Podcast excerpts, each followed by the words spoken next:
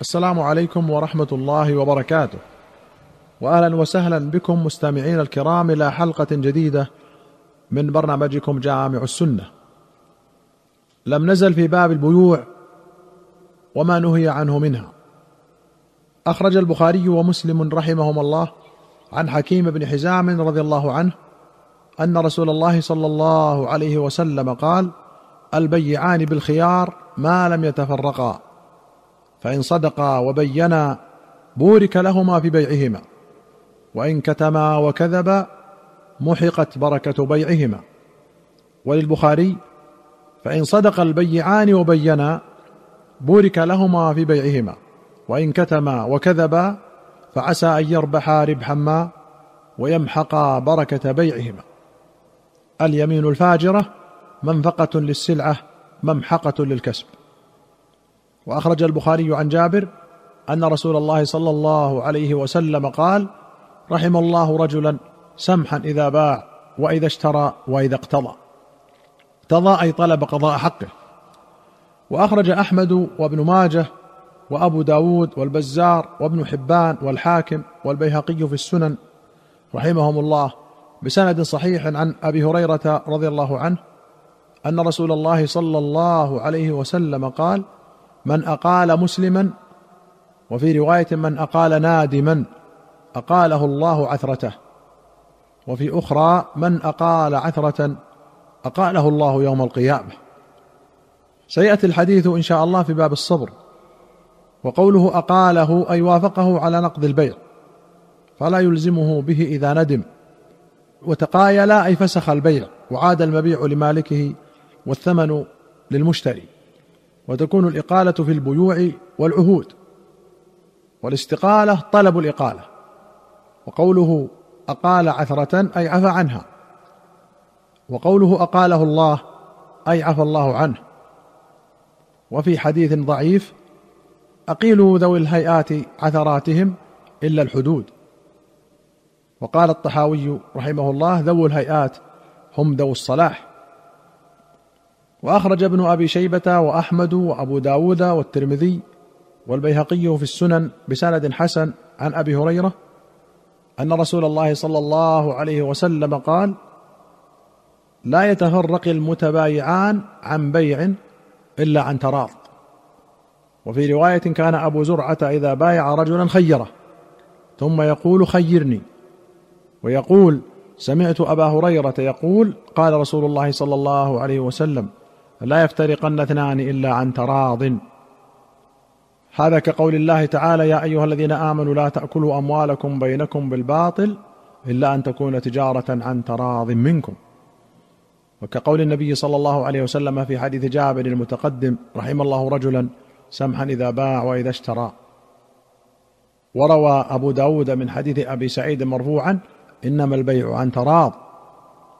وأخرج أحمد والدارمي وابن ماجه وابو داود والترمذي وابو يعلى وابن حبان والبيهقي في السنن والضياء والمقدسي بسند صحيح عن انس ان الناس قالوا يا رسول الله غلى السعر فسعر لنا فقال صلى الله عليه وسلم ان الله هو المسعر القابض الباسط الرازق واني لارجو ان القى الله وليس احد منكم يطالبني بمظلمة في دم ولا مال قال الحافظ في الفتح المظلمة بكسر اللام على المشهور. وحكى ابن قتيبة وابن التين والجوهري فتحها. وقال القاضي قوله إني لأرجو إلى آخره. إشارة إلى أن المانع له صلى الله عليه وسلم من التسعير مخافة أن يظلمهم في أموالهم فإن التسعير تصرف فيها بغير إذن أهلها فيكون ظلما. باب الربا. أخرج مسلم رحمه الله عن جابر رضي الله عنه قال لعن رسول الله صلى الله عليه وسلم آكل الربا ومؤكله وكاتبه وشاهديه وقال هم سواء. قال النووي هذا تصريح بتحريم كتابة المبايعة بين المترابيين والشهادة عليهما وبه تحريم الإعانة على الباطل. وأخرج مسلم عن عبادة بن الصامت رضي الله عنه. قال قال رسول الله صلى الله عليه وسلم الذهب بالذهب والفضة بالفضة والبر بالبر والشعير بالشعير والتمر بالتمر والملح بالملح مثلا بمثل سواء بسواء يدا بيد.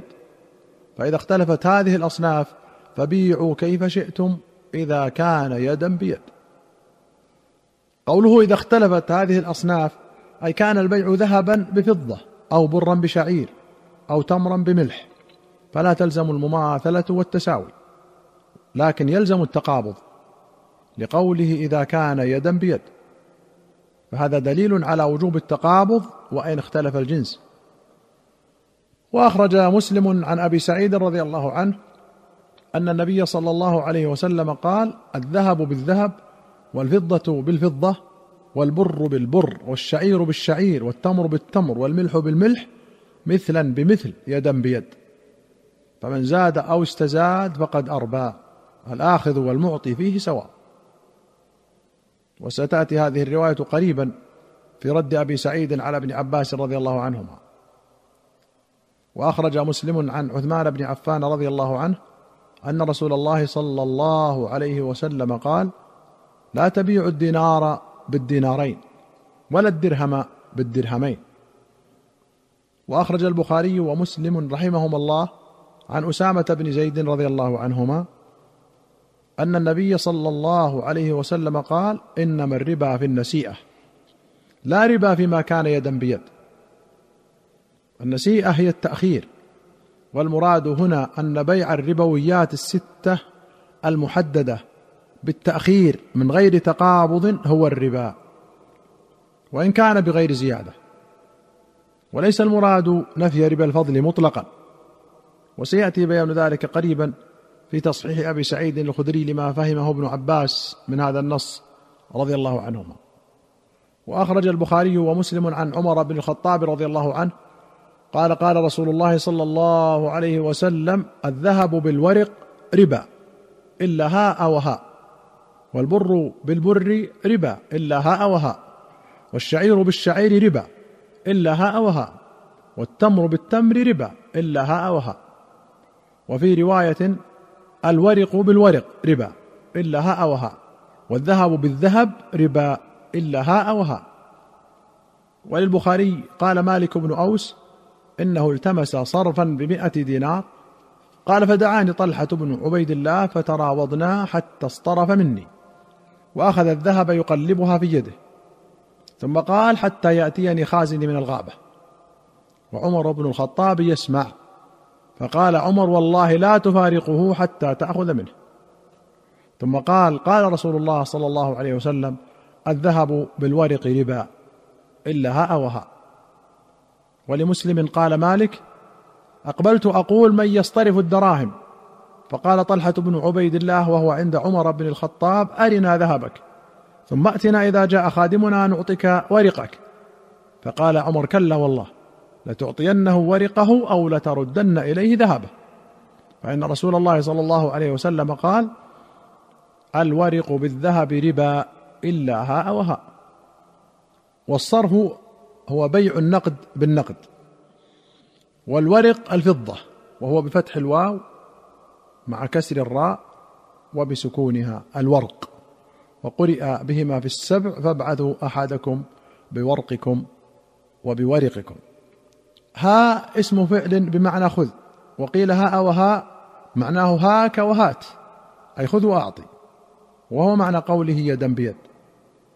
وأخرج البخاري ومسلم عن أبي المنهال قال سألت زيد بن أرقم والبراء بن عازب عن الصرف فكل واحد منهما يقول هذا خير مني. وكلاهما يقول نهى رسول الله صلى الله عليه وسلم عن بيع الذهب بالورق دينا.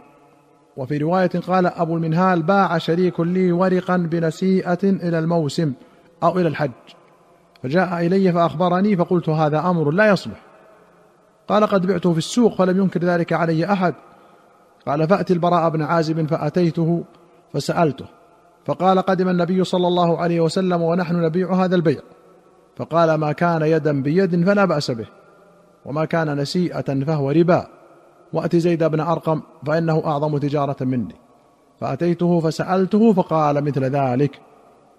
وللبخاري عن سليمان بن أبي مسلم قال سألت أبا المنهال عن الصرف يدا بيد فقال اشتريت أنا وشريك لي شيئا يدا بيد ونسيئة. فجاءنا البراء بن عازب فسألناه فقال فعلته أنا وشريكي زيد بن أرقم. فسألنا النبي صلى الله عليه وسلم عن ذلك فقال أما ما كان يدا بيد فخذوه وما كان نسيئة فردوه. وفي أخرى له سألت البراء بن عازب وزيد بن أرقم فقال كنا تاجرين على عهد رسول الله صلى الله عليه وسلم. فسألنا رسول الله صلى الله عليه وسلم عن الصرف أي بيع النقد بالنقد. فقال إن كان يدا بيد فلا بأس وإن كان نسيئة فلا يصلح. أيها المستمعون الكرام إلى هنا نأتي إلى نهاية هذه الحلقة. حتى نلقاكم في حلقة قادمة إن شاء الله. نستودعكم الله والسلام عليكم ورحمة الله وبركاته.